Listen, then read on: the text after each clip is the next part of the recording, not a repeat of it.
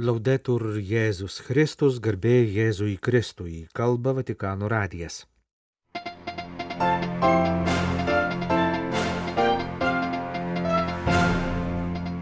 Didžioji savaitė Jeruzalėje, ten, kur vyko liturgijoje minimi įvykiai. Vatikane eksponuotos ikonos sukurtos naudojant Ukrainoje sprogusių rusų bombų skeveldras. Nuncijus Ukrainoje patvirtino, kad pernai buvo mėginama surenkti popiežiaus kelionę į Mariupolį. Ukrainoje minimas kankinys Šventasis Juozapatas. Britė Dominikonė pradėjo vadovauti popiežiškai socialinių mokslų akademijai. Burkina Faze žuvo misionierius.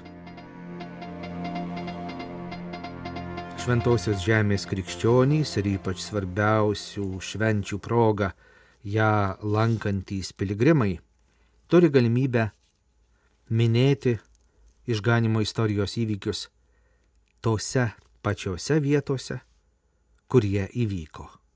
Tai nepaprasta privilegija ir malonė, sakė Šventosios žemės pranciškonų kustodijos vadovas tėvas Francesco Patonas didžiosios savaitės pirmadienį aukodamas mišes Betanijoje. Šešioms dienoms belikus iki Velykų Jėzus atėjo į Betaniją, kur gyveno jo prikeltasis iš numirusių lozorius. Ten buvo jam iškeltos vaišės. Morta tarnavo, o lozorius kartu su svečiais vaišinosi prie stalo. Paėmusi svarą brangių tepalų iš grino nardo, Marija patepė Jėzui kojas ir nušuostė jas savo plaukais. Skaitome Evangelijos pagal Joną 12 skyriaus pradžioje. Žodžiai šešioms dienoms belikus iki Velykų - tai labai aiški nuoroda, kurią remdamiesi Šventosios žemės krikščionys kasmet didįjį pirmadienį švenčia Jėzaus apsilankimo Marijos Mortos ir Lozoriaus namuose atminimą. Betanija tai kaimas Alyvų kalno rytinėje pusėje. Šiandien ten stovi Šventosios žemės kustodijai priklausanti nedidelė bažnyčia, kurioje broliai pranciškonai švenčia didįjį pirmadienį. Panašiai šioje bažnyčioje minimas ir Lozoriaus prikelimo iš numirusių atminimas bei Jėzaus draugų Lozoriaus Marijos ir Mortos liturginis minėjimas. Velykų tridienio svarbiausi momentai bus švenčiami Jeruzalės šventojo kapo bazilikoje. Kaip žinoma, šią svarbiausią viso pasaulio krikščionims šventąją vietą dalyjasi trijų konfesijų tikintieji - katalikai, graikai ortodoksai ir armėnai. Prieiga yra užtikrinta ir kitų konfesijų atstovams. Nuo XIX amžiaus, kai Palestina valdė Osmanų imperiją, galioja nustatyta griežta tvarka nustatanti, kuriuo metu kurios konfesijos krikščionys gali šioje bazilikoje renkti savo pamaldas. Katalikams tenka rytinės valandos. Dėl to 8 val. ryto prasidės tiek paskutinės vakarienės didįjį ketvirtadienį mišios, tiek Kristaus kančios atminimo pamaldos didįjį penktadienį, tiek ir Velyknakčio liturgija didįjį šeštadienį. Ta pačia 8 val. ryto bus aukojamos ir mišios Velykų sekmadienį. Didžiojo tridinio dienomis taip pat numatyta eisena į Getsemanę didį ketvirtadienį po pietų, bei kryžiaus kelias Jeruzalės senamieščio Vija Doloroza gatve penktadienį prieš piet.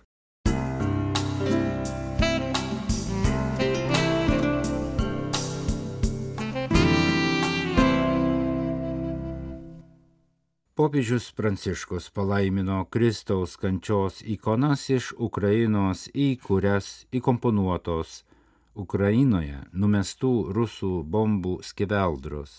Lvivo dailės akademijos kūriniai didžiosios savaitės dienomis išstatyti popiežiaus namų koplyčioje Šventojios Mortos namuose Vatikane.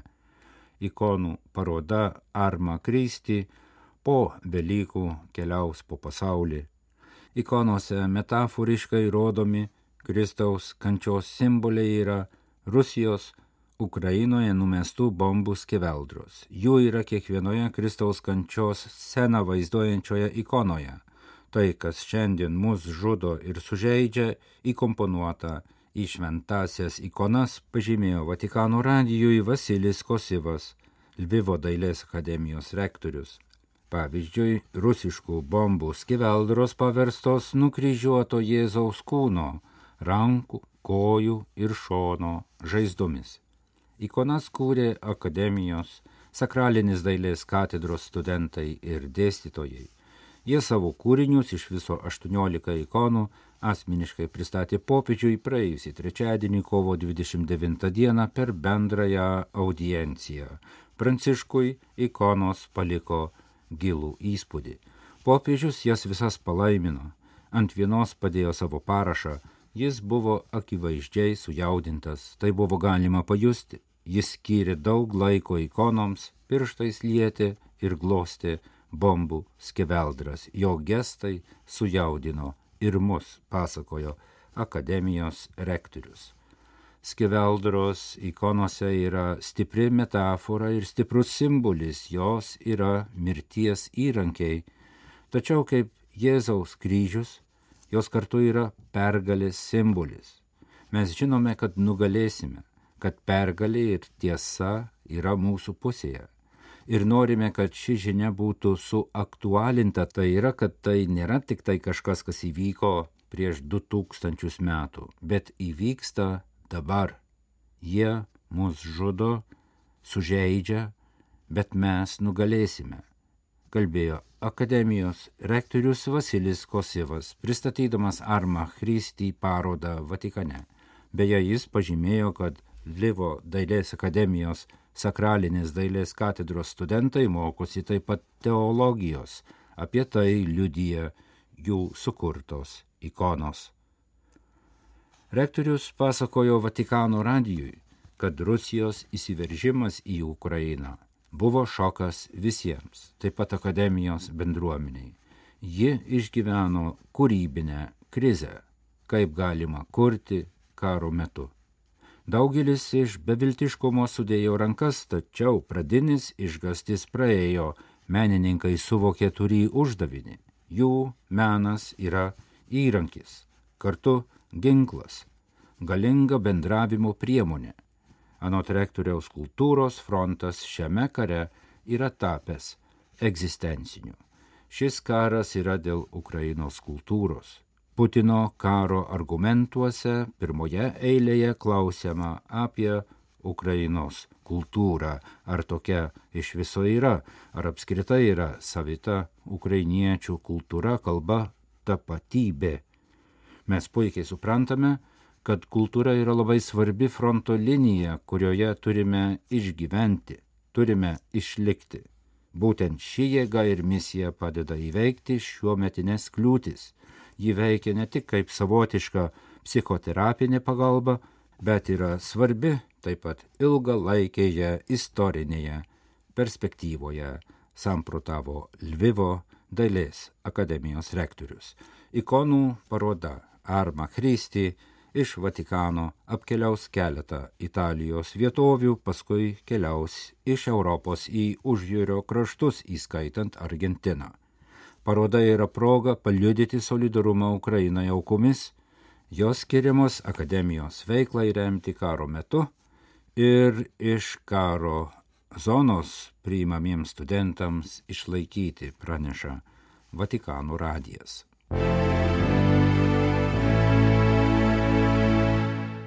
Pernai popiežius Pranciškus turėjo nuvykti į Mariupolį ir padėti išvesti civilius gyventojus ir Ukrainos karius iš Rusijos kariuomenės apgulto miesto. Tai atskleidė apaštališkasis nuncijus Ukrainoje arkivyskupas Visvaldas Kulbokas. Apie tai nuncijus kalbėjo italams, įvairių katalikų judėjimų atstovams, kurie dalyvavo taikos karavane, jau penktą kartą nukeliavusiame į Ukrainą. Italų katalikų taikos žygio dalyviai nugabeno į Ukrainą humanitarinę siuntą, aplankė kelis Ukrainos miestus, bendravo ir meldėsi kartu su vietos tikinčiaisiais. Verbų sekmadienio mišes jie šventė Mikolaivo Šventojo Juozapo bažnyčioje. Šią progą juos nuotoliniu būdu iš Kyjevo pasveikino apaštališkasis nuncijus arkivyskupas Visvaldas Kulbokas. Kaip praneša apie taikos karavano žygį informuojanti italų katalikų žinių agentūra SIR, klausiamas, ar galima tikėtis popiežiaus pranciškaus vizito Ukrainoje, arkivyskupas papasakojo, kad buvo mėginama tokią kelionę surenkti jau pernai, kai įvairiais lygmenimis buvo svarstoma galimybė evakuoti civilius ir karius iš Mariupolio. Rengdami šį planą paklausėme šventojo tėvo, ar jis galėtų atvykti į Mariupolį kaip moralinis garantas. Ir popiežius sutiko. Jau gegužės mėnesį turėjome šventojo tėvo pritarimą, tik vėliau šio plano nebuvo įmanoma įgyvendinti, sakė Nuncijus. Jis taip pat dar kartą iškėlė maldos svarbą. Malda tai ne tik žodžiai. Dievui reikia ne žodžių, o mūsų ir mūsų širdžių, kalbėjo arkivyskupas. Dabartinė padėtis visame pasaulyje yra labai rimta.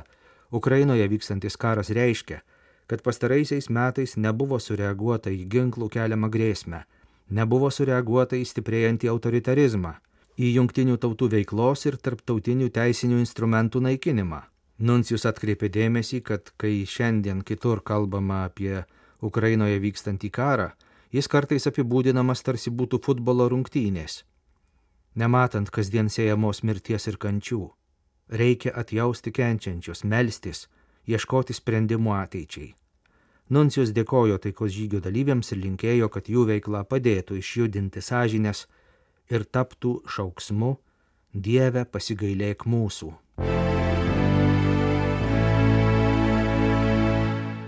Ukrainos Lvivo graikų katalikų apieigų arkiviskupija kviečia į dar vieną renginį skirtą šventajam Juozapatui Kuncevičiui, gimusiam 1580 ir mirusiam 1623.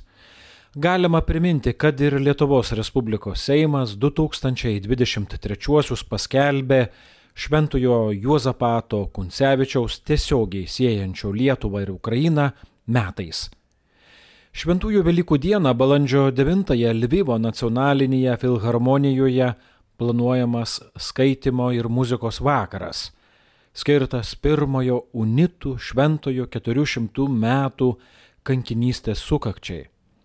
Kvietime į renginį rašoma, kad į jo dalyvius kreipsis Lvivo graikų katalikų apieigų arkivyskupas metropolitas Ihoris, choras, orkestras ir solistai atliks ukrainietės vienuolės Marijos Slepčenko parašytą sakralinį kūrinį Stabat Mater, taip pat garsaus Lvivo pianisto ir kompozitoriaus Aleksandro Kazarenko kūrinį Mūsų viešpatės Jėzaus Kristaus kančia. Deja, kovo 21 dieną šis 59 metų amžiaus sulaukęs menininkas mirė nuo plaučių komplikacijos. Galima priminti, kad dabartinės Ukrainos teritorijoje gimusio Šventojo Jozapato Kuncevičiaus kūnas po įvairių peripetijų atsidūrė Romoje ir buvo palaidotas Šventojo Petro bazilikoje. Prie jo kapo 2022 lapkričio 12-ąją, taip pat Šventojo kankinystės ir liturginio minėjimo dieną, Svetoslavas Šepčiukas, Ukrainos graikų katalikų bažnyčios didysis arkivyskupas, vadovavo Šventojo Juozapato Kuncevičiaus metų inauguracijai. Su juo koncelebravo kiti katalikų, graikų ir lutynų apieigų viskupai, įskaitant Gintarą Grušą, Vilniaus arkivyskupą metropolitą, Vilniaus švenčiausiosios trejybės bažnyčioje ir Bazilijonų vienuolynę Šventasis Juozapatas praleido nemažai metų. Čia buvo ir jo įsteigto Šventojo Bazilijaus didžiojo ordino centrinė būstinė Jis sutartinai vadinamas vienybės kankiniu, mat buvo įtim pasišventęs unijinės bažnyčios tvirtinimui ir vienybei su katalikų bažnyčia. O Vitebske žuvo nuo rankus tų, kurie tam priešinosi.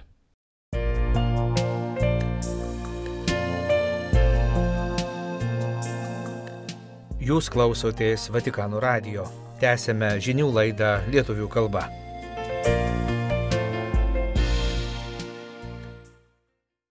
Nuo 2023 m. balandžio pradžios popiežiškai socialinių mokslų akademijai pradėjo vadovauti vienuolė Dominikonė Helen Alford iš Anglijos, daug dėmesio skyrusi verslo etikai ir socialiniai atsakomybei šiuose pareigose pakeitusi italų ekonomistą Stefano Zamanjį.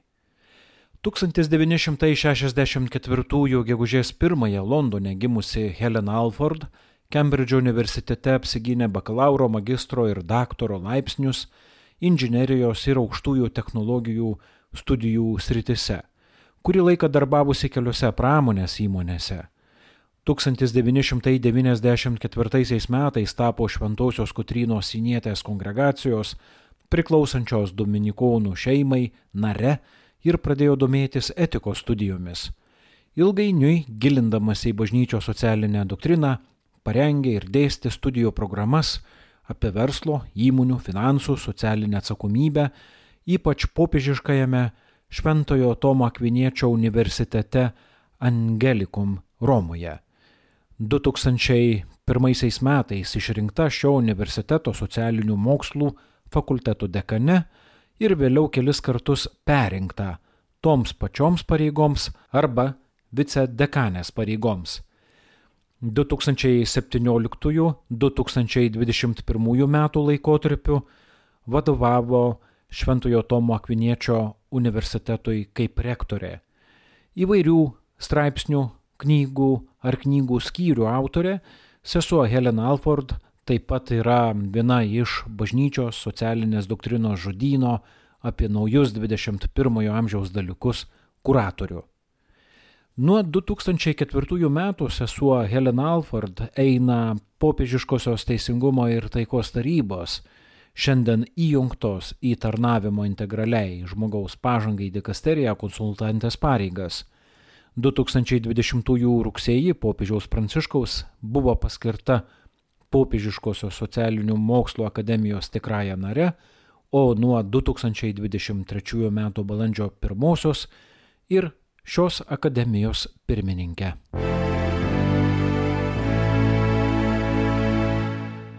Afrikos misionierių kongregacija praneša apie tragišką ir apmaudžią kongregacijos nario Mozės Simokonde žūtį. Ji pakirto karo policijos būrio kulka, kaip paaiškėjo vėliau, supainiojus su kitais. Pasak Afrikos misionierių provinciolo vakarų Afrikoje tėvo Didie Savadogo, 34 metų amžiaus Moze Simokonde vakare vyko į Uagadugų oro uostą pasitikti svečią. Kai jis prisertino prie laikinai įrengto patikros posto, ten būdėję karo policijos pareigūnai neįvertino padėties, pamanė, kad automobiliu važiuoja grėsmę keliantis asmenys ir atidengė ugnį. Vėliau Burkina Faso karo policija šią klaidą pripažino ir atsiprašė. Pasak Afrikos misionierių, žuvęs kongregacijos narys, buvo gimęs Zambijoje, misionieriaus veiklą vykdė Nigerija, o pastaruoju metu Burkina Fase. Pastarosiomis dienomis suaktyvėjus teroristinėms islamistinėms grupuotėms įvairiose Burkina Faso provincijose paskelbta nepaprastoji padėtis.